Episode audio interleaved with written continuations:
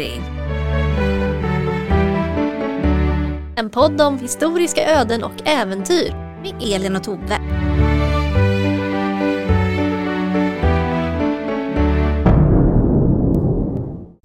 Hallå Elin! Men hallå! Hallå, njuter du av sommaren? Ja, denna ljuva sommartid.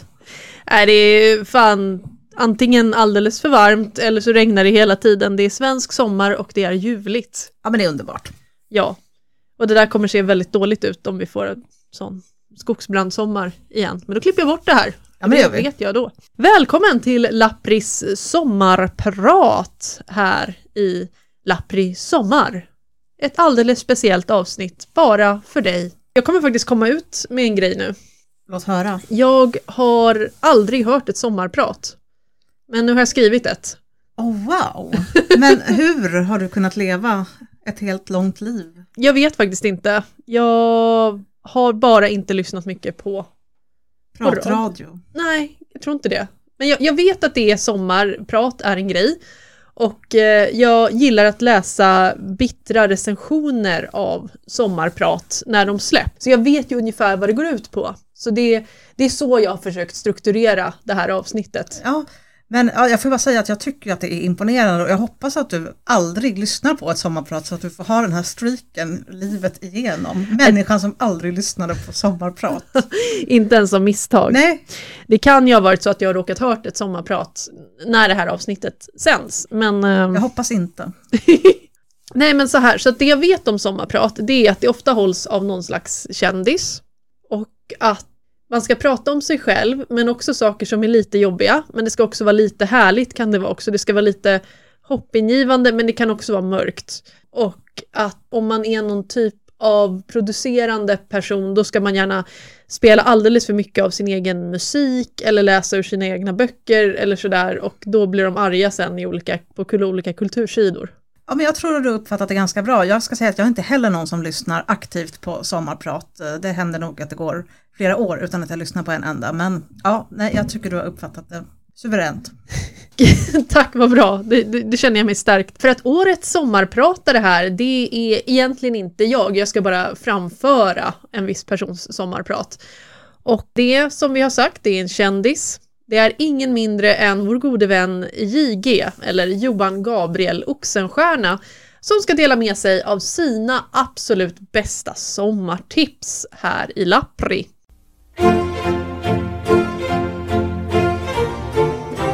Sommar i Lappri med Johan Gabriel Oxenstierna.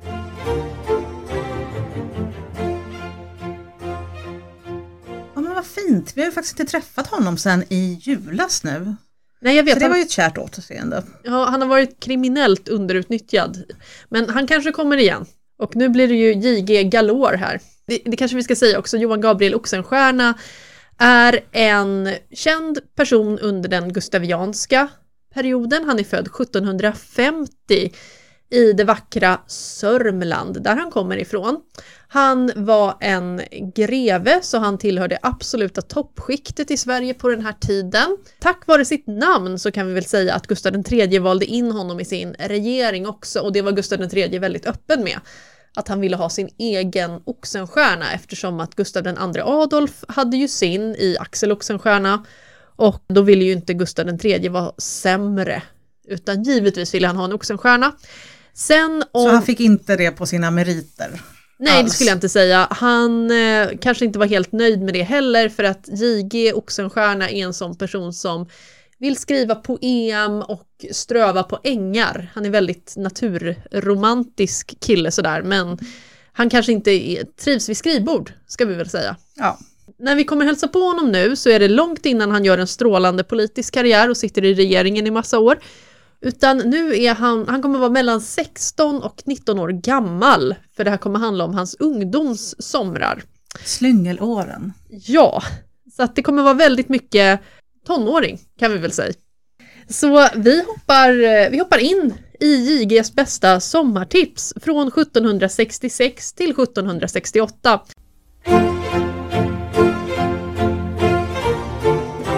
Sommar i Lappri med Johan Gabriel Oxenstierna.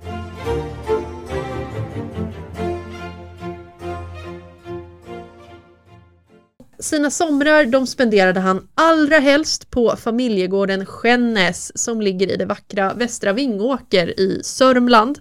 Det var där han ville vara. Han ville inte vara i stan, han ville vara på Skännäs. Och det är alltså hans mammas familjegård så att vi kommer träffa ganska många medlemmar ur familjen Gyllenborg här också för hans mamma tillhör den släkten. Mm. Det första tipset ska vi säga är att på sommaren då ska man ägna sig åt friluftsliv. Ja, men det är klart. Ja, JG tipsar om att på sommaren så är det väldigt trevligt att vara ute i naturen. Han gillar särskilt att ta somriga promenader. Men under regel då att han vill gå själv, för annars blir det väldigt lätt förstört. Han vill promenera ensam. Okej, ja, nej men det kan jag ha förståelse för. Ja, speciellt en gång när han promenerar med herr Dubb och herr Hamn. Och de två börjar bråka med varandra och då är hela promenaden förstörd efter det. Hette han herr Dump? Herr Dubb, D-U-B-B, ja. herr Dubb. Och det här är ju inget kul. Nej, nej. Men det som är bra om man är ett sällskap som är ute och går på promenad, det är att man kan faktiskt passa på att leka lite lekar. Ja, Ja, och en lek som är väldigt rolig att leka om man är i ett sällskap, det är kurragömma. ja. Så kurragömma är inget modernt, det är ingenting som uppstod på 1980-talet sådär, utan det var väldigt populärt på 1700-talet. Och det är en ganska enkel lek också, göm dig så ska jag leta. Ja, fast jag har faktiskt aldrig lekt det utomhus för det känns som att det kan bli ganska eh, hög svårighetsgrad då. Liksom. Ja, vi har hela skogen här. Ja. Eh, jag tror att du har alldeles eh, rätt där Elin, för att i början av juni 1766 så händer precis det. Då vinner herr Bergklint, som alltså är Johan Gabriels informator, alltså hans privatlärare. Och för er som gillar poesi så är det här alltså Olof Bergklint, poeten under den här perioden, men han giggar lite som informator också, han måste ju få ihop pengar. Ja, man kan inte leva på Ja. konsten. Nej. Nej men precis. Så då jobbar han som lä- privatlärare åt den här 16-åriga Johan Gabriel och de leker kurragömma tillsammans.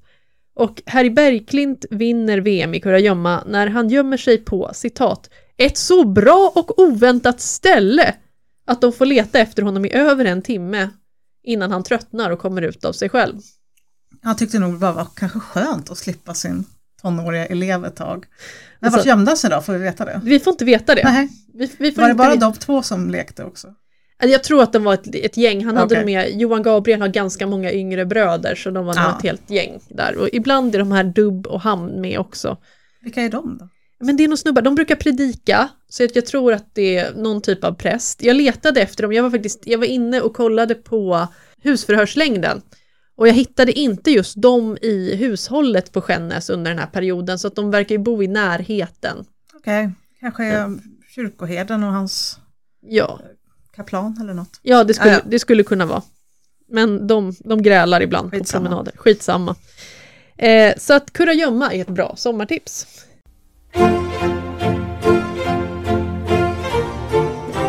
Sommar i Lappri med Johan Gabriel Oxenstierna.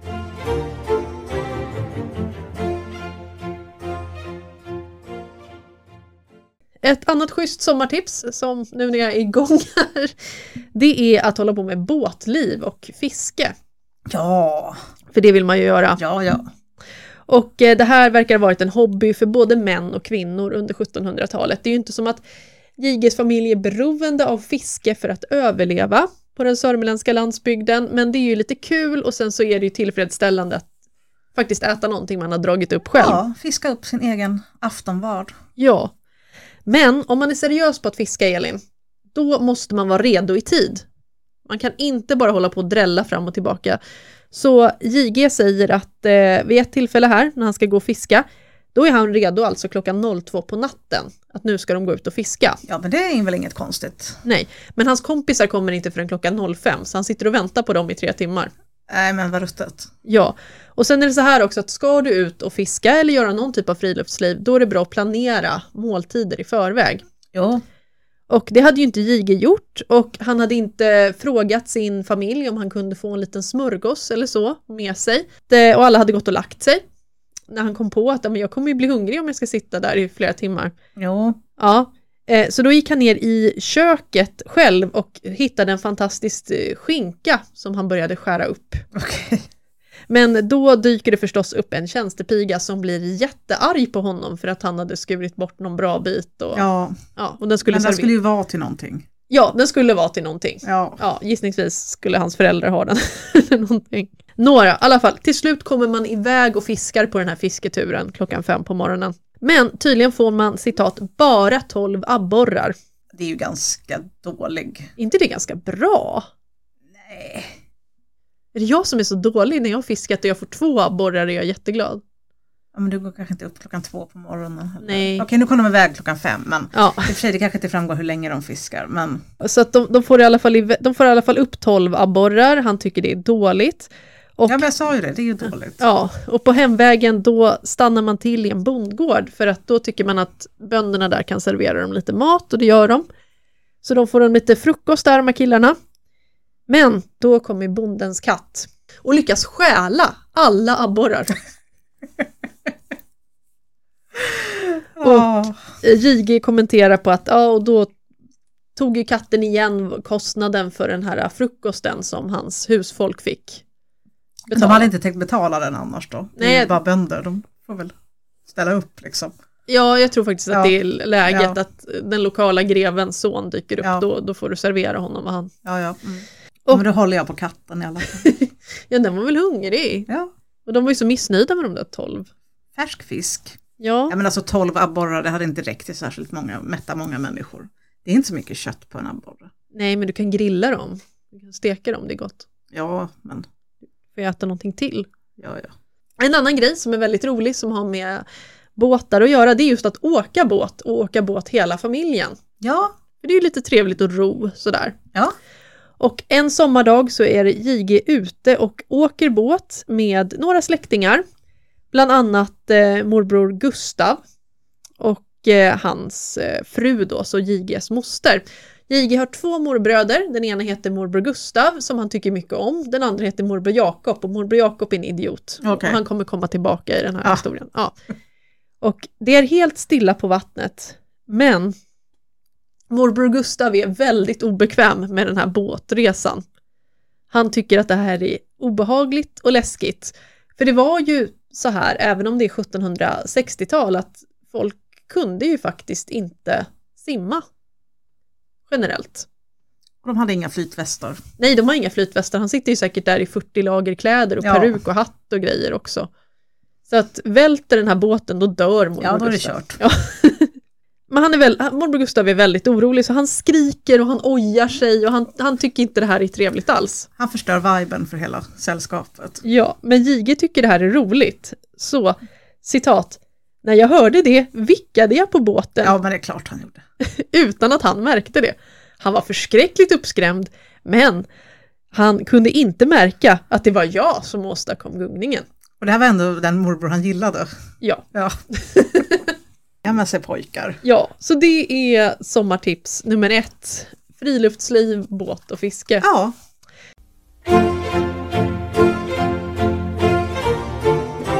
Sommar i Lappri med Johan Gabriel Oxenstierna.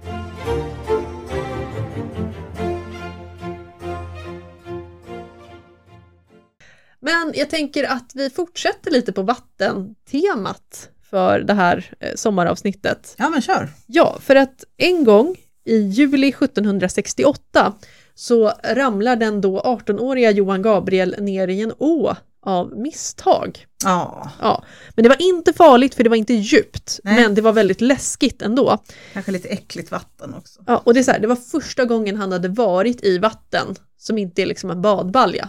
Okej, Och eh, efter den här upplevelsen, då traumatisk förstår jag. Var, han ramlade i, han skulle hoppa över något och visa och vara tuff och sen så ramlade han. Så det, var, det var liksom en förnedrande upplevelse i, generellt. Ja, Och sen när han, eh, han var ju helt blöt och då fick han låna några kläder av några lokala bönder och då fick han låna några ullstrumpor som stack och det var han ledsen över. ännu mer trauma. Ja.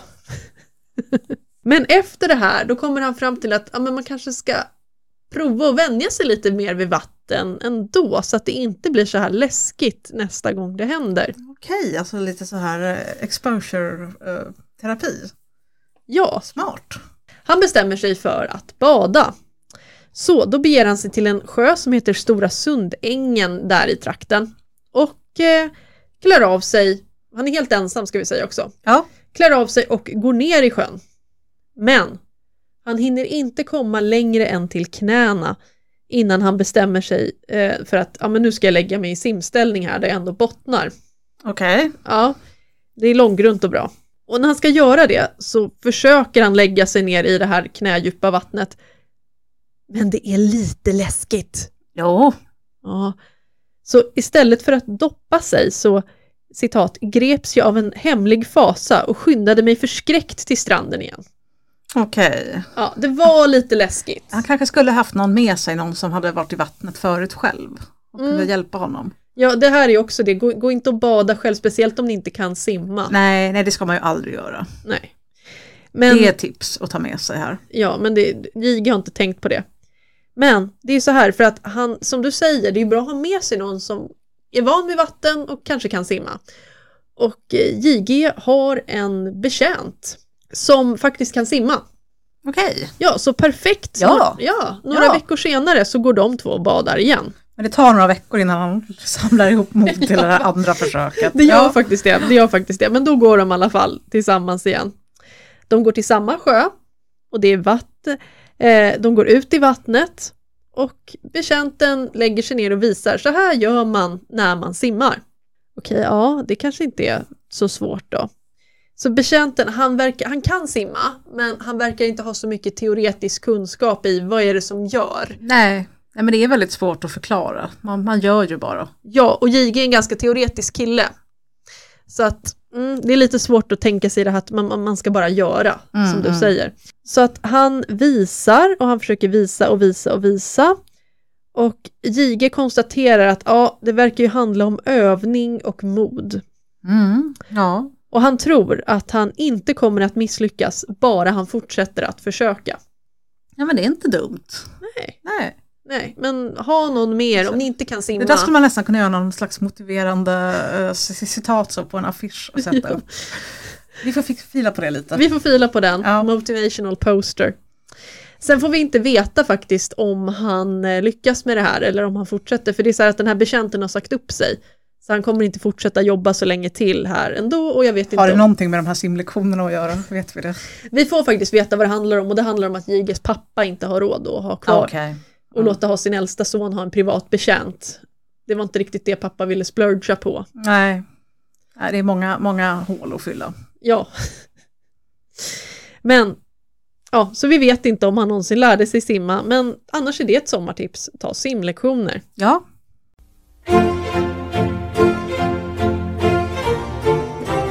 Sommar i Lappri med Johan Gabriel Oxenstierna.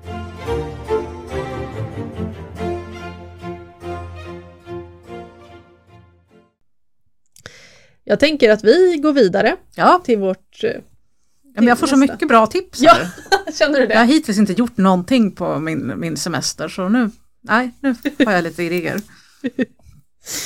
Eh, Det här kanske du kan testa på Ja. semestern. Mm. Nämligen den roligaste hobbyn som JG har, det är jakt. Okej, Ja. ja. Och ja. Det är så här, det- idag, jag skulle inte rekommendera folk att bara börja spontant ägna sig åt jakt, för idag måste man ha licenser på olika sätt och ja licenser det för väl vapen. så. Ja, eh, och det är också säsong för olika djur och sådär. Ja, jag, inte ens om de går in på din tomt får du skjuta dem har jag hört. Okej, är det så stämma. strängt? Ja, Åh jävlar! vilket jag tycker är lite fel. Men alltså, går man på min tomt får man skylla sig själv. Jag satt upp skyltar. Inga rådjur, inga harar. Ja men då kan de ju läsa det. Ja, Ja, ja, ja. ja. men respektlöst. Och eh, speciellt djur som har årsungar, det brukar vara ganska strängt förbjudet att skjuta på dem under sommaren. Men när den här tiden är när vår vän JG lever på 1760-talet så gäller inte riktigt det här, plus att hans pappa är den lokala stora bossen i, på orten, så vad ska folk göra? Nej men precis, Mm. det, är väl, det finns väl regler på 1700-talet men de är väl snarare vem som får jaga, inte när och hur utan adeln får jaga men typ ingen annan. Är det så? Ja, Lite så. Okej, okej, ja, Beror väl lite på vilket typ av villebråd också. Men, okej. Tack. Men, men JG, han, det är lugnt, kör. Ja, han, han, Ja, han ja, är ju son till en greve. Han har jaktfantasier. Och det här kan man följa i hela hans dagbok från början 1766. Att han har någon slags fantasi om att han vill döda ett djur. Och det är så här seriemördargrejer. Åh, jag börjar- skriver poesi, jag tycker om att ströva i naturen och jag vill döda ett djur. Ja, ibland, ska- det är någon gång det står bara att ja, jag har inte dödat ett enda djur än. Fast att jag är 16 år. Okej, det där kan bli en annan sorts, sorts poster. Ja. tänker jag. Jag vill döda ett djur. Men det är så här, eh, för att kunna döda ett djur på ett snyggt sätt, då måste man ha ett gevär Eller armborst. eller armborst. Och det är så här, mamma och pappa har det ju lite knapert just nu, betjänten har inte fått vara kvar. Men Jige får höra att morbror Jakob, Mm. som alltså är morbror som han egentligen inte gillar, morbror Jakob har gett bort ett fint gevär till en av sina betjänter. Okej, han Mm. har råd att ha betjänter. Ja, Han har råd att ge sina betjänter fina gevär. Ja, det... Ja, och om en betjänt får ett fint gevär, då kanske en, en systerson också kan få ett fint gevär. Det är värt ett försök. Ja, så han hela våren 1766 så skriver Jige brev till morbror Jakob där han försöker, kanske inte så subtilt, att antyda att jag skulle väldigt gärna vilja ha ett gevär. Ja. Och eh, en gång så, så tror jag att han får besked av sin mamma att ja, men morbror Jakob kommer och då kommer du få ett gevär.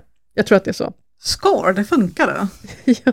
Den 21 juli 1766 då kommer faktiskt morbror Jakob på besök, för det är ju hans släktgård det här också. Ja. Mm. Och eh, han ska ha med sig ett gevär. Och JG är lite nervös, det kanske är liksom hans drömmars gevär. Ja. Men det kan också vara ett kastgevär. Han vet inte. Trumvirvel. Det är ett dåligt gevär. Det var ett dåligt gevär. Citat. Han gav mig ett gevär och det blev det som jag hade väntat. Jag blev missnöjd och kunde knappt få fram några ynkliga ord till tack. Jag tyckte att han med lika stor rätt kunde ha gett sin systerson som sin betjänt ett vackert gevär. Och han är bra oartig som ger bort det sämsta. Det är bättre att inte ge några gåvor än att ge så dåliga. Utropstecken. Åh, JG. Ja. Livet är orättvist. Men det här är morbror Jakob som eh, verkar lyssna väldigt mycket på sin betjänt. Det var därför de inte kunde åka till, till landet den där julen, för att hans betjänt, Hammargren. ja, Mm. ja, han har ju en tumme på sin husbonde på något sätt här. Ja, det är sant. Han får ju både ett fint gevär och han får vara kvar i stan om han vill. Mm. Och JG får bara ett uselt gevär. Ja. Men alltså till morbrors och den här betjäntens försvar så kanske morbror hade större nytta av sin betjänt än JG. Ja, det är ju bara en av hans tusen syskonbarn. Ja. Ja. Som dessutom verkar vara ganska otacksam när han faktiskt ändå får ett fullt fungerande, om kanske inte så vackert, Kanske gevär. inte var det coola märket på gevär den tiden. Man kanske skulle gå till den här eh, pistolsmeden och inte den här liksom. Den här stockmakaren gjorde dem coola. Jag Ja. vet inte. Nej, det är fan kast alltså när man inte Ja. kan få ett... Ja, ja, men, men det går att skjuta med i alla fall. Ja. Men det är så här, morbror Jakob är kvar där på gården i några dagar. Han är så jävla jobbig. Jävla morbror Jakob. Ja, han vill inte att JG ska gå runt med gevär själv och bara skjuta hur som helst. Morbror Jakob har någon typ av ansvarskänsla när han har gett ett funger- fullt fungerande gevär till en 16-åring. Okej, ja. Så han är jävla tråkig och säger till Johan Gabriel att nej, du får faktiskt inte gå och bara skjuta hur du vill. Och eh, då skriver JG.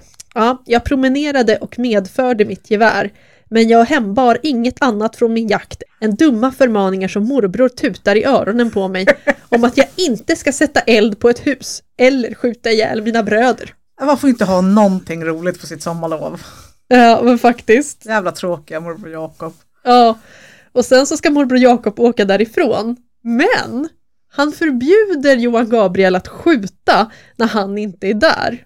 Oj, så det kommer villkor det här usla geväret. Ja, du får ha det men du får inte skjuta med det om inte jag är här. Och Jige tycker det här är jättedumt för att även om morbror Jakob är där så kommer inte han att stolka honom dygnet runt. Nej, Nej. Och eh, han skriver också att han finner nöje i att göra mig ledsen. Alla är ute efter dig Jo- Johan Jakob. Ja, Nej, Johan Gabriel är trött. ja det, det är äkta tonårsrage. Ja, Ja. alltså ja, ingen förstår honom. Och eh, ett tag så sätter han, Johan Gabriel sätter sig ett tag och fantiserar att han faktiskt kan erövra hela Skännäs genom att ladda geväret och sen bara gå runt och sikta på folk. Eh, Okej, nu blir det här faktiskt riktigt obehagligt. Då skulle de fly, säger han. Jag vet inte vad jag ska säga. To be fair, jag sitter och läser upp hans innersta tonårsilska. Eh, jag- Det skulle nog inte vara så smickrande om man läste upp någon annans heller, men Oj, ja. det, fi- det finns i alla fall en fantasi om att gå runt och sikta på alla och ta över gården. Ja, Men herregud. trots morbror Jakob och hans eh, jävla förmaningar så kommer faktiskt Johan Gabriel igång och eh, jagar med sitt gevär. Yay! Och det verkar som att hans mamma, hon är lite peacekeeper, så hon försöker att uppmuntra honom. Hon säger att, ja men Johan Gabriel, kan inte du gå ut på en jakt och fälla någonting till mig? Ja, Ja, och då går han ju iväg med geväret på axeln, nöjd. Men tyvärr är det så här att, ja, eftersom våra hundar inte duger någonting till så fick vi ingen lön för mödan. På hemvägen bommade jag en sparv. alltså är det inte morbror Jakob så är det de odugliga hundarna. Ja. Plus det här usla geväret. Alltså världens sämsta sommarlov. Jag undrar så här, vad blir det kvar om man träffar en sparv med Jag ett gevär? vet inte. Eh, inte mycket tror jag. Men han vill ju bara döda något. Det är Ja. egentligen det som är grejen. Men att bära hem det till sin mamma, hade han tänkt Ja, ett litet typ ett- blodigt Ja. Men man ska faktiskt inte ge upp för en vecka in i augusti ungefär, då är han igång igen. När jag slutat att studera gick jag med geväret och sköt någonting på 60 fots avstånd. Någonting. Ja. Ja, Mm. okej.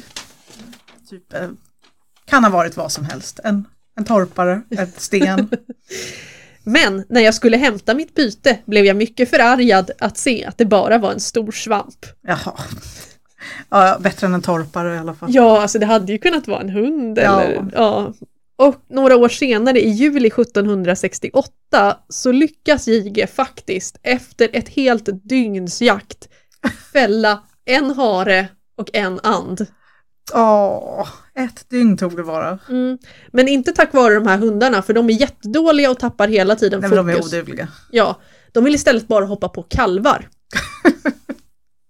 och eh, bästa tipset om man har en hund som försöker hoppa på kalvar när man ska jaga, det är att slå hunden tills den skärper sig. Ja, nej, men det säger ju sig självt. Ja. Och eh, en sista liten jaktanekdot, det är att samma sommar där, 1768, då kommer ett stort larm i Västra Vingåker. Och det är att vargar har fällt kor i trakten. Vargar är lösa i Västra Vingåker. Det här är ju, ja, det här är ju stor grej. Mm. Och nu får äntligen JG rycka in och visa vad han går för. Ja, JG och hans nya betjänt kommer till undsättning. De ska fälla vargar. Så han har en betjänt i alla fall. Han har en- De fick här- skaffa en billigare. Tyvärr är det så här att den här vargjaktskvällen så är det ganska mörkt och dimmigt. Men Johan Gabriel lyckas i alla fall skjuta en uggla som han trodde var en tjäder. Skjuta en uggla, det är ju jättehemskt. Det känns inte som ett djur man fäller. Nej, Det känns som en dålig, det känns som dålig tur att fälla. ja faktiskt. Ja, men, men grattis då. Ja.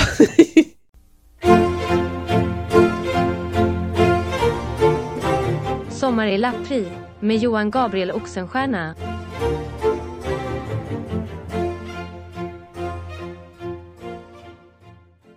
Vi hoppar vidare till nästa sommartips. Ja, jag kommer ju skriva, nog hoppa över allt det här med jakt faktiskt. Och det tipset är någonting som jag vet att du gillar. Och det är trädgårdsarbete. Ja, Mm. För det gillar Johan Gabriel. Och eh, man kanske har möjlighet nu under sommaren att ägna sig åt lite trädgårdsarbete. Man kan, om man inte har trädgård så kan man odla på en balkong och har man inte balkong så kan man ha fönsterlådor att odla i. absolut. JG älskar att hålla på och odla. Han är en riktig blomsterkille. Och eh, det här är ju lite om man till kontrast idag. För att i slutet av 1700-talet så var det väldigt coolt. Det var någonting som unga killar höll på med. Vad Så var det krukväxter. Okej. Det var lite som, jag skulle vilja jämföra det med folk som håller på med mikrobryggeri eller så idag. Ja. Att det är en ganska manlig hobby Ja, och eh, det är ganska häftigt och nischat också. De träffas och byter lökar med varandra. Och, sticklingar och lite Ja. sånt där. Ja, ja, ja. ja, och tittar på varandras hyacinter. Och, Det är ju bedårande. ja, så det var väldigt, väldigt hippt och coolt att hålla på med växter. Och gärna krukväxter på den här tiden. Men man kan ju vilja ha lite inspiration innan man går på, innan man börjar odla själv. Mm. Så trädgårdsmässan är ju ett hett tips eh, och det fanns ju inte 1700, på 1760-talet. Men Så vad gör man då? ja, det är så här.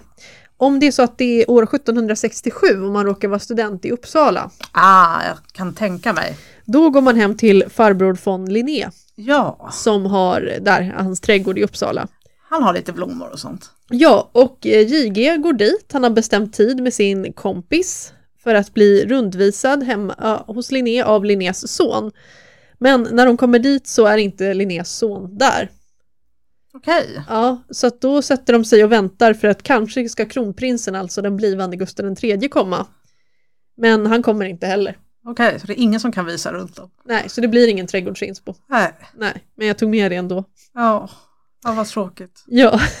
När du håller på med dina blommor, har du byggt någonting, något litet växthus till dem eller nå Jag har gjort så här riktigt dåliga växtstöd ibland som inte funkar för växterna vill inte klättra på dem i alla fall. Lite så kanske. Inte. Ja, Jag har byggt några lådor kanske.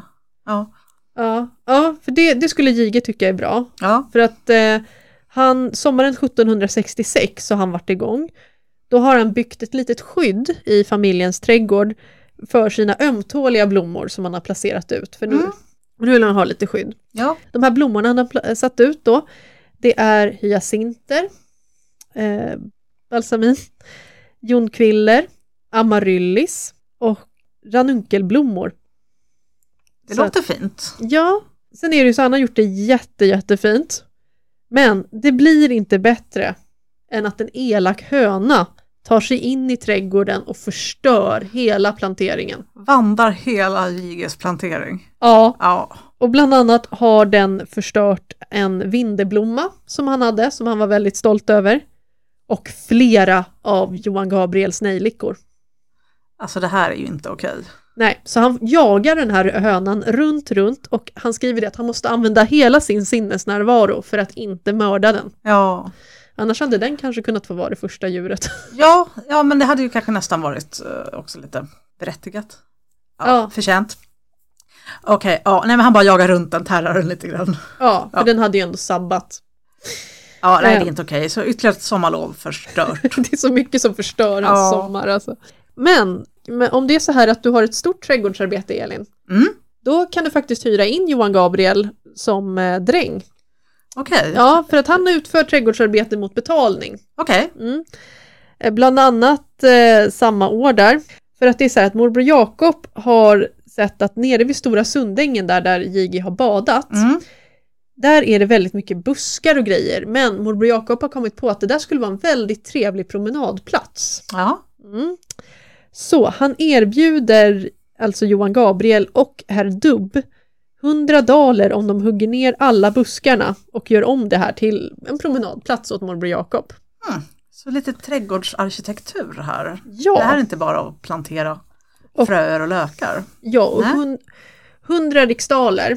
Är det bra betalt? Det, vi kan säga så här att ett, ett lamm på den här tiden kostar 15 daler. Så det, det borde vara en ganska bra. Det är en bra lön. En, en grovarbetares, ett dagsverke för en grovarbetare kostar tydligen 2 daler 2 öre kopparmynt. Var har du hittat de här uppgifterna någonstans? Eh, Ja, det hittar i vår fantastiska favoritbok Vad kostade det? Ah, Där man kan få veta om alla möjliga prisuppgifter från alla möjliga tider och varor, tjänster, allt möjligt. vi, kan, vi erbjuder samarbete med den som ger ut den här boken. Det är bara att höra av sig. lapripodd.gmail.com Ja, än så länge är det non-sponsored content, men vi kan. Ja. Och det här, så det är väldigt mycket pengar. Man Ja. kan hyra in en grovarbetare 50 dagar för det här priset. Och nu är det ju kanske JG och herr Dubb, de, får, de verkar inte få 100 daler var. Nej, Nej. Men det är ganska mycket jobb, de börjar med det här. Men sen eh, ångrar sig morbror Jakob. Men det kan man inte göra. Jo, men han gör det så att då slutar de med det här trädgårdsarbetet. De skulle skrivit kontrakt. Ja, det, det är det. Typiskt med sådana sommarjobb och med oseriösa arbetsgivare som utnyttjar och sen, nej men det var bara provanställning, du får ingen lön. Man får Ja. inte lön för provanställning. Nej men alltså, alltså morbror Jakob, du, nej, han, han är ju en sopa. Ja, ja, jag gillar inte morbror Jakob. Det, han är jobbig. Jag skulle anställa Johan Gabriel som min trädgårdsdräng. Det hade varit ganska roligt att ha en greve som, som sin trädgårdsdräng. Ja. ja, även om han verkar vara lite gnällig och lite... Han kan klippa vår gräsmatta. Ja. Jag betalar bra.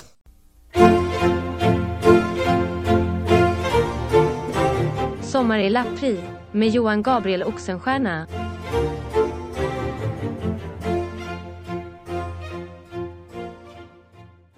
Eh, nu kommer vi till ett sommartips som jag tycker om. Tycker du om camping, Elin? Ja, nej, alltså det är inte det jag skulle välja eh, att göra först på min semester. Eller Nej. sist. Eller någonstans i mitten förmodligen. Sista, sista valet. Eh, Jag, jag gillar camping. Och camping, på den här, eh, camping hör ju ihop med jakt ganska mycket. Så att JG upplever ibland camping på sina, sina sommarstrapatser. Och eh, här i vårt sommarprat så vill Johan Gabriel särskilt berätta om en camping han gjorde i augusti 1768. Mm. Då är de ute ett helt gäng och ska jaga och de vill tydligen ta sig en bit bort från där de bor. Så Johan Gabriel går och övertalar bonden Joga att följa med. Okej. Och jag hade aldrig hört det här namnet, Joga. Nej. J-O-G-A. Och ibland så är det så att eh, när Johan Gabriel skriver om riktiga personer så använder han ibland kodord, klassiska figurer. Det här verkar inte vara det, utan det verkar vara enligt, jag tror att det här var Västra Vingåkers hembygdsförening, så är bonden Joga hette bonden Jonas. Okej. Men han har ett väldigt excentriskt smeknamn. Ja. Jag tycker det låter som en fantasy-dvärg, Joga. ja. Och varför vill de ha med sig bonden Joga då? Ja, har inte för- bonden Joga bättre saker för sig i augusti? Ja. I värsta skördetiden. Han har ju det, men han hittar väldigt bra här. Han hittar på åkrar och ängar och i skogar och snår eh, dit JG inte hittar. Och då finns det en sjö i närheten där i Västra Vingåker som heter Igelbålen. Mm, låter jättemysigt. Ja, och Igelbålen det är ett naturreservat idag, tydligen väldigt uppskattat besöksmål Okej. av många. Men dit hittar han inte riktigt. Så att idag, då, då kan bonden Joga, han hittar dit, för det är Mm. genom en skog och sådär. Och i Igelbålen, där har morbror Jakob skrutit om att han har fällt väldigt många änder. Okej. Ja, så att då måste ju JG också åka dit. Och eh, Joga, ja, ja, han följer med. Det var tur för att JG konstaterar att de hade inte hittat dit om inte bonden Yoga var med. Och även om de hade gjort det hade de säkert inte hittat hem. Nej. Och så hade det blivit katastrof. Efter en lång vandring så når man en glänta och det börjar mörkna lite för det här är i augusti i Sörmland så det Ja. börjar bli mörkt. Då eldar man, man eldar med mörk, lite mörkna trädstammar och en gammal gärdersgård som man hittar. Och då håller man igång den här elden Ja, hela natten. Lägerelden. Ja, de har, de har lägereld de här Ja. grabbarna plus bunden yoga. Ja, Men Elin, han kan säkert några häftiga historier. Lite. det är så här va, när man ska kampa, då gäller det att vara förberedd. Jo, Ja, för citat. Jag höll på att dö av hunger och jag hade bara tagit med mig en bok. okej. ja men alltså JG. Totalt hjälplös man. THM. Han är, han är ganska hjälplös, ja. Men som tur är har ju JGs betjänt med sig bröd och ost som JG får äta. Jag vet inte om det var betjäntens matsäck som han hade tänkt till sig själv. Eller om det var så att han hade planerat till båda. Ja, man tänker att han borde känna sin herre rätt väl vid det här laget. Men Ja. ja, Den här betjänten verkar vara några år yngre än honom också. Okej. Han är 18 vid det här tillfället så jag att det är en betjänt som är 15-16. ja, ja, en blind leder lite en blind kanske. Ja, men det var tur att de hade med sig någonting att Ja, äta. Så JG Och får, en något, bok. JG får något i magen i alla fall. Men det är ju obligatoriskt att berätta spökhistorier när du Ja. campar. Och det sa ju du att det kan säkert bonden Yoga. Ja, Och det gör han, han Ja. kan väldigt mycket bra spökhistorier. Han berättar om spöken och skogsfruar och annat. Och allting det här han berättar om det har visat sig precis här där de är just Ja, nu. ja, ja, precis ja, ja. här hände allt det här, berättar bonden Joga med stor inlevelse. Citat. Aldrig har jag hört talas om så mycket skogsfruar, gastar och annat djävulstyg. Jag är förvånad att min betjänt inte trodde på det. För de andra tog det för trosartiklar. Det förefaller mig som att de borde ha samma åsikter eftersom de har säkert samma uppfostran. Okej, så Säg. han, han reagerar lite på att hans kompisar är vidskepliga. Ja, han tycker att, och han tycker att det är konstigt att hans betjänt inte tror på de här spökhistorierna. Nej, han som är en uh, working class jobbo typ. Ja, Ja. varför, ty- varför tror inte han på det här när de som från samma grupp tror på det här? ja, vad ska man tro på nu liksom? Det är jättekonstigt Ja, ordningen är ju helt satt ur spel. ja. Eh, Men efter en väldigt kall natt, JG fryser väldigt mycket för gissningsvis hade han inte packat några vettiga kläder att kampa i. Han fick svepa sin bok över sig. Efter en väldigt kall natt där så når man sjön. Och när de kommer fram dit så visar det sig att eh, JGs gevär fungerar inte precis just då. Okej. Så han får inte ens skjuta en enda and. Är det fortfarande hans usla Ja. morbror Jakob-gevär? Ja, det är morbror Jakob-geväret. ja. Men betjänten fäller en and. Betjänten har ett bättre gevär än JG. Alltså ordningen är ju satt ur spel här. Efter det här, då har faktiskt bonden Joga bättre saker för sig att göra. Ja. Ja. Eh, För att som du säger, augusti, skördetid, lite busy busy för honom att hänga med de här. Så då går bonden Joga därifrån. Dumpar ja, alla i skogen. han dumpar de här killarna i skogen. Och det första som händer, det är att de går vilse i flera timmar. Ja. JG bommar en stare så att bara några fjädrar faller ner efter den. Sen ska han skjuta på en hare också, men eh, det, den bommar han också på, den sprang iväg väldigt snabbt. Ja, ja Mm. de gör ju det. Men det är så här att vid ett senare tillfälle så träffar han bonden Joga och, igen, det här är inte, inte men sen, senare, Ja, och eh, då berättar han om den här haren för bonden Joga och då säger bonden Joga att aha, men vissa harar har undvikit att blivit träffade så många gånger så att den där kommer ingen kunna skjuta för den är så listig nu. Mhm. Och då känner sig JG lite, lite boostad i alla fall, att det var en ja svår okej. hare. Det var inte jag som var dålig, det var en väldigt, väldigt skicklig hare. Ja, en level 100 hare. level 100 hare. Ja, Det vill jag ha på en t-shirt. Men efter det här då, så är ju hela det här grabbgänget ganska hungriga. ja. Ja. Så de går till ett ställe som heter Båltorp och jag bara nämner dem nu för att JG ger dem världens sämsta review. okej. Han vill visa att han är en stor herreman så han ska betala för sig och sina killkompisar. Ja, Så han slänger fram sex riksdaler till bönderna i Båltorp för mat till hela sällskapet. Men tyvärr så blir det den allra uslaste middag. Får veta vad de får. Nej, bara Nej. att det var jävligt uselt. Ja, nej, för de har inte tid att sitta och serva er, det är skördetid. Men lite så, ni, Ja. ni ta det ni får. Ja, Ja. här får ni lite knäckebröd och en saltsill. Och för att veta vad, vad sex daler kopparmynt motsvarar på den här tiden så vände jag mig förstås till en väldigt bra bok som jag brukar titta i ibland. Vad heter den? Eh, vad kostade det? Okej, den. Ja. ja. men den måste jag kolla i någon gång. Ja. ja, den är väldigt bra faktiskt, Mm, jag ja. rekommenderar den. Då kunde jag konstatera att år 1770, så två år efter det här, så kostar ett par smorläderskor, alltså ett par schyssta läderskor, sex daler. Okej, Så att det är, han har ju ändå lagt en hel del pengar om man motsvarar, motsvarar vad det kostar för ett par skor. så han trodde att bara jag kommer till en bondgård så, och slänger fram pengar så får jag typ en eh, gourmetmåltid. Typ Ja, 8,5 kilo torr fisk på den här tiden kostar. det de. Det kostar 7 daler, så han kanske fick 8 kilo torr fisk. Ja.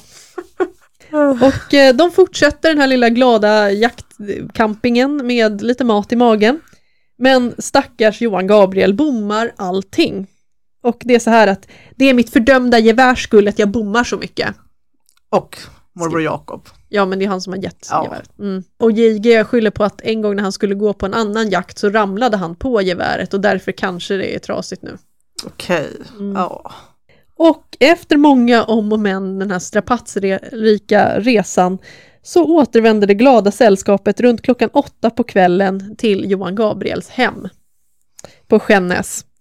Och jag kan säga det också, jag kollade upp det på Google Maps, den Igelbålen och Skännäs gård, det är alltså sex kilometers promenad, så det är inte som att han har varit långt hemifrån. Nej. Okej, alltså det är nästan så vi måste göra en reenactment av den här campingutflykten. Kan inte göra Se det. om man kan få det att dra, ta så lång tid. Man måste Ja. övernatta på den här sex kilometers promenaden. Och sen måste vi äta någon riktigt usel måltid. Ja, vi går bara hem till någon sommarstuga så knackar på. Säger att vi är hungriga här Ja. i sex daler kopparmynt. Ja, jag tror vi har någonting här. Mm. Sex kilometer. Sex kilometer promenad är det. Ja. Mm. Och de kommer ju då hem runt klockan åtta på kvällen. Och eh, det är så här, om du ska ut och campa så här Elin, så är det bra att säga till någon att du ska faktiskt gå iväg. Ja, Speciellt till resten av ditt hushåll. ja. Annars kan de bli ganska sura och oroliga. Jag antar att han alltså inte hade sagt att han skulle gå ut på ett och ett halvt dygns campingtripp. Nej, han har, inte, han har inte gjort det. Så det var typ skallgång efter honom nu. Typ, de har börjat dragga hela igelbålen efter hans... Nej, men de är väldigt arga. Ja. Hans föräldrar är jättearga på honom. Ja. Till och med morbror Gustav, som brukar vara ganska chill, är arg och säger att han ska nu bli Johan Gabriels ovän. Oj! Ja, väldigt strängt. Mm. Men Johan Gabriel tycker att ah, morbror Gustav blir alltid sur snabbt och sen går det över. Ja. Mm, så det är lugnt. Så tänk på det om ni ska iväg någonstans, inte bara för säkerhets skull, men eh, det är bra att någon vet vart ni är Ja. och när ni planerar att komma tillbaka. ja. Ja, annars så blir det ju väldigt jobbigt om ni råkar gå vilse sex kilometer från hemmet eller någonting. Bra tips här från, Mm. från kanske mer dig än, än Johan Gabriel. Ja, han förstod ju inte varför de var sura. Nej.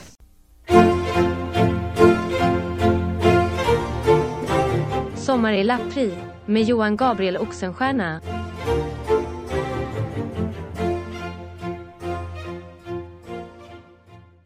Med det kommer vi till vårt sista sommartips. För det är ju faktiskt så här att det kan ju vara så här att man kanske är kvar i stan Mm. hela sommaren. Så Ja. kan det vara. Alla är inte som eh, Johan Gabriel, arvtagare till en stor herrgård ute på landet. Nej, vi är inte det. Nej, och alla har inte tillgång till landetvistelse och det är helt okej att vara kvar i stan också.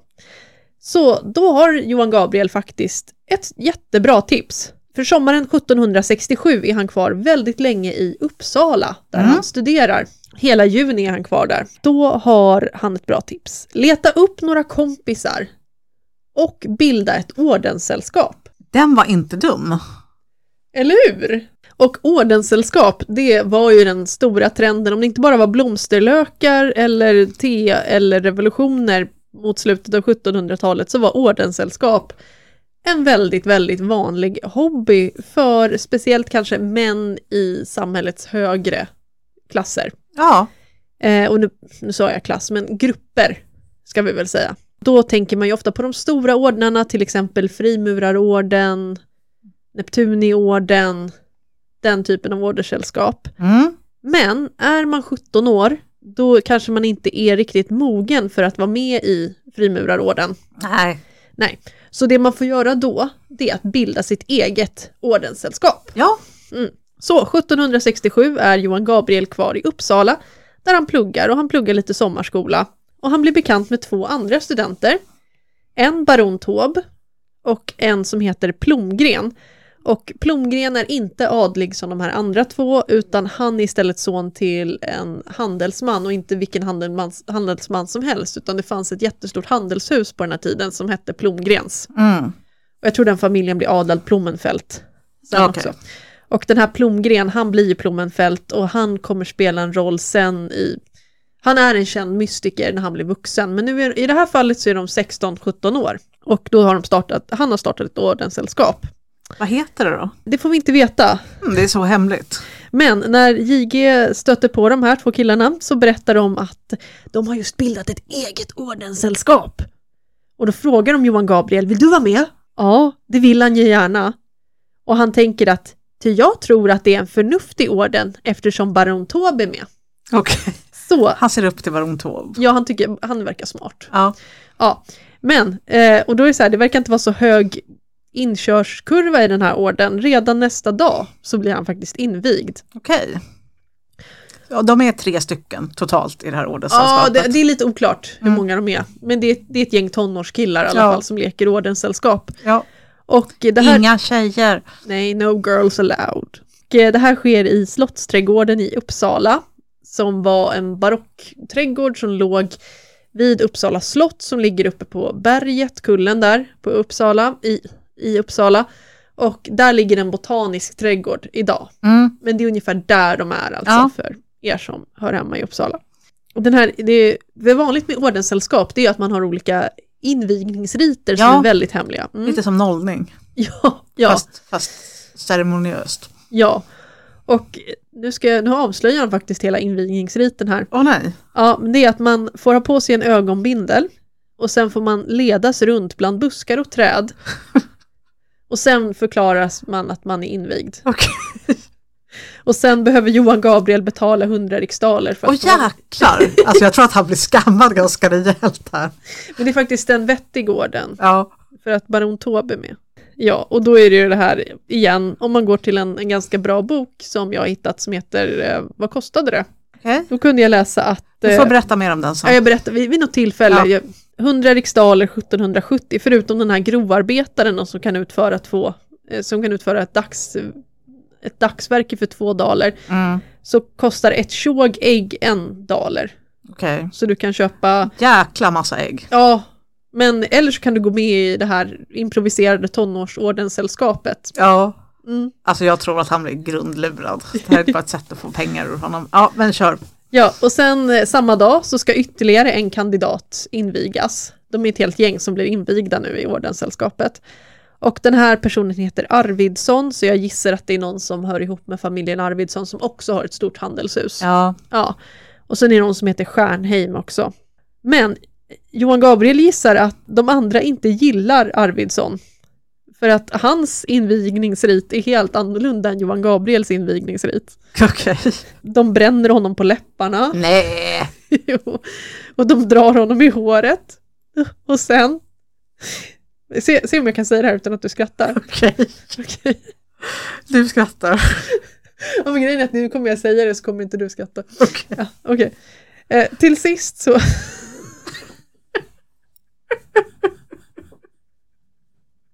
Okej, okej. Till, till sist så...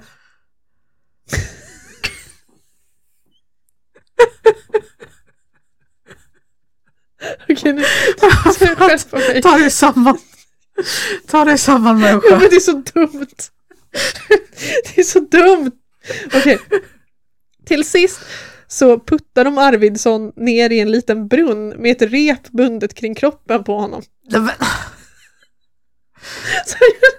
Vadå en liten brunn? Du kan... bungee jump. Men Arvidsson. Och det här fick han betala pengar för. Ja. Nej, jag tror faktiskt inte att de gillade Arvidsson särskilt mycket. Och då säger Johan Gabriel att jag bad förgäves att man skulle skona honom, men därav blev intet, och man misshandlade honom för att roa sig. Alltså det gick väldigt snabbt till Flugornas herre från, eh, jag, jag vet inte. Från att leda runt någon bland lite buskar. Ja, Och särskilt en kille som är med, den här som heter Stjärnheim, han tycker det är jättekul att plåga Arvidsson, för Stjärnheim tycker att Arvidsson är dum, enligt Johan Gabriel. Men, säger Johan Gabriel, Stjärnheim är inte skonad på grund av sitt eget stora intellekt, utan på grund av att JG ber för att, nej men sluta slå honom också. okej. Så att det här med kamratuppfostran är uppenbarligen ingen ny grej. Det, Nej, bungee jump har utförts i brunnar i Uppsala i väldigt många år. men allt det här var alltså eh, Taubes plott för att få ihop lite, lite pengar till, till sommaren. Ja, Taube och. Plomgren, ja, Ja. de ska köpa mycket glass. Mm.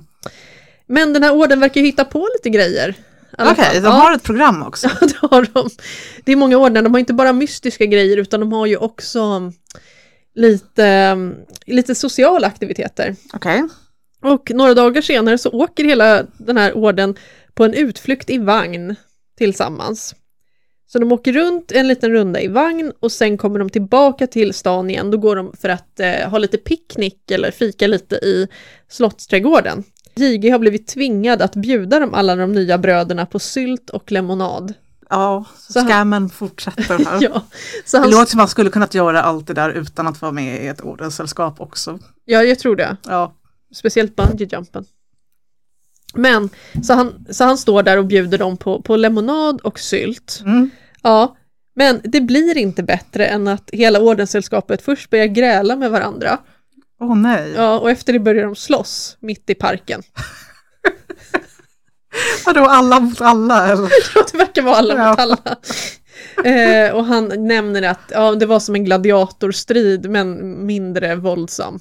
Okej, ja det var ju bra. Ja, men eh, han tyckte, J- Johan Gabriel verkar tycka att det är ganska pinsamt. Ja, jag håller med JG. För att det här är ju ett promenad, det är många som går förbi och ser att Ja. de ligger och slåss på marken med varandra, de här killarna. Ja, Ja, mitt i saftkalaset. där ligger en greve och slåss med en baron. ja, sylt och Ja. lemonad skvättande omkring dem. var inte det där de där som var här igår och hoppade bungee jump i brunnen? Ja, ja nej, det, är ju- det är ju, Ja, familjerna får ju skämmas här. ja, ja, ja mm. det, som jag sa, det verkar gå ganska fort i den här orden. Han har blivit initierad redan dagen efter han fick veta att den existerade. Bara några dagar efter den här utflykten så hålles en sammankomst när Johan Gabriel blir utsedd till ordens stormästare. Oj! Ja, Alltså det här är ju en raketkarriär. ja. Och eh, han säger att han är redan insatt i alla ordens hemligheter, han har fått veta allting redan. Sylt, lemonad, bungee jump, åka vagn. Ja. Och han tycker att de här hemligheterna är ganska ynkliga. Okej, Ja, det var inga ja, jag, jag håller med. Han, det, han säger inte vad det är, bara att det var ynkligt. Jag sa ju precis vad det var. Ja du, du var avkodat där. Dessutom så är det någon på det här mötet som säger till honom att han får bara vara stormästare eftersom att de andra vill plundra honom på pengar. Äh, ja, ja. Så ja. Men eh, det är så här, eh, Johan Gabriel han förstår ju det själv faktiskt. Okej. Man går med på det. Ja, han går med på det och han har lite egna planer. Han ska införa vissa grimaser som ska göras som ska vara ordens hemligheter.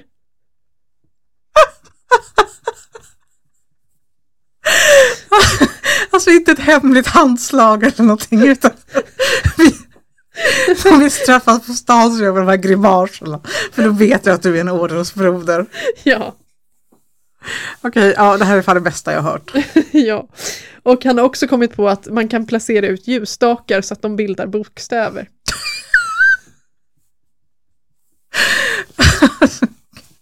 Jag vill se hans Pinterest. Fantastiskt, jag ska göra den här Pinteresten.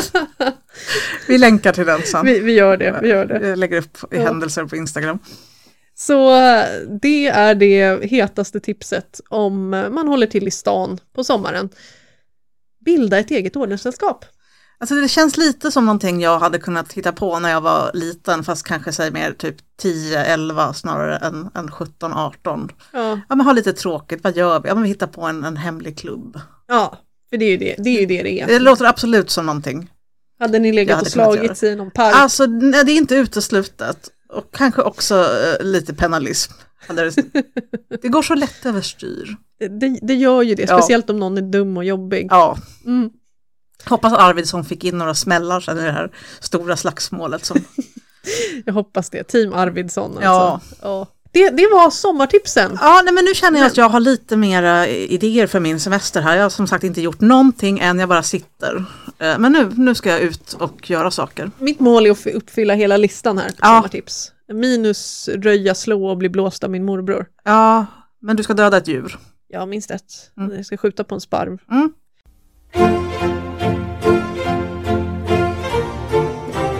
Sommar i Lappri med Johan Gabriel Oxenstierna.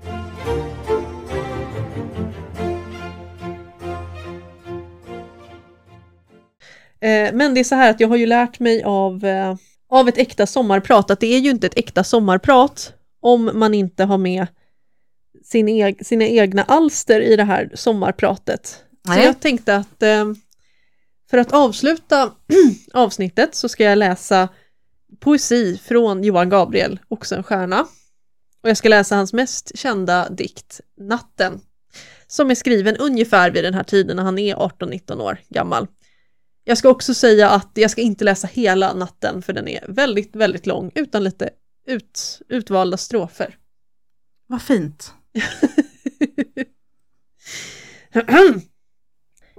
Emottag, stilla natt, mitt väsen i din hägnad. Bekymrens lika väl som själva glädjens fägnad. Åt jordens varelser förkunna fridens bud. Tag fästets tron igen, som lämnas dig av solen. Sträck ut din kadusé från en till andra polen och världens vila bjud. I kvällens sista spår, som släcks för jordens öga, går natten äntligen upp på himlen av det höga. Två björnar dra dess vagn i himlens öppna vidd och kring dess våta tak varav hon överhöljes hon med dyster vakt av mörkrets bilder följes. Kring hennes intåg spridd. Inbildningarnas tropp, det falska synens härar. Och oron som bedrar och villan som förfärar. Och skrämslan fyllande med spöken dunkla skyn och vålnaders dans i midnattstimmans möte och skuggor hotande ur sin gravars sköte vidskeplighetens syn. Då svepas en gång i mörkrets stäva tecken den rymd där solen lyst och den där falska näcken befaller hotande med treuddsgaffens makt. Den skog vars dunkla höjd mot skyarna försvinner och fälten där man ej någon lämning finner av alla färgers prakt. Det var ju väldigt vackert och stämningsfullt. Jag kan ju se inspirationen här från Bonden Yoga och hans spökhistorier i, i strofen där. Ja, Eller hur? Visst är det är ju ändå det, även om han vill låtsas att han är lite för cool Ja. för den där spökhistorien. ja. Ja, ja då- men vad fint. Ja men då går vi väl ut i sommar, sommarkvällen igen. ja, och ber för att skogsbränderna inte fortsätter. Ja. Glad sommar på er! Ha det fint! Vi ses i höst! Ni har lyssnat på Lappri, en podd om historiska öden och äventyr. Vi som har gjort podden heter Elin och Tove. Ni kan följa oss på Instagram på lappripodd, besöka oss på lappripodd.se och om vi hade väldigt fel kan ni mejla oss på lappripodd.gmail.com.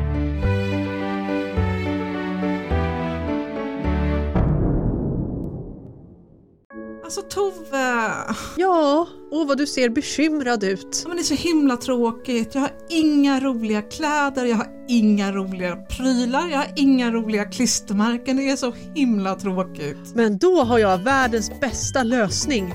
För dig! Är det sant? Ja, för dig! Berätta mer! lappripmerch.se Vad är det? Det är en fantastisk samling av allting du kan önska dig. Det bästa från Lappri. Kan jag få saker från Adolf Fredrik Appreciation Club där? Där finns det. Adolf Frederick Appreciation Club. Vi har väldigt mycket merch med Frihetstiden. Eller i alla fall en t-shirt. Har vi någonting om Guntlack? Vi har Guntlakligan. Nu mår jag mycket, mycket bättre. Har du någon förenings och säkerhetsakten merch? Nej, Det finns på www. lappripmerch.se lägg av. lappripmerch.se Alltså jag känner att, att jag har fått tillbaka ljuset i mitt liv. Tack så mycket Tove. Nu ska jag genast gå till lappripmerch.se och köpa bort smärtan inombords. lappripmerch.se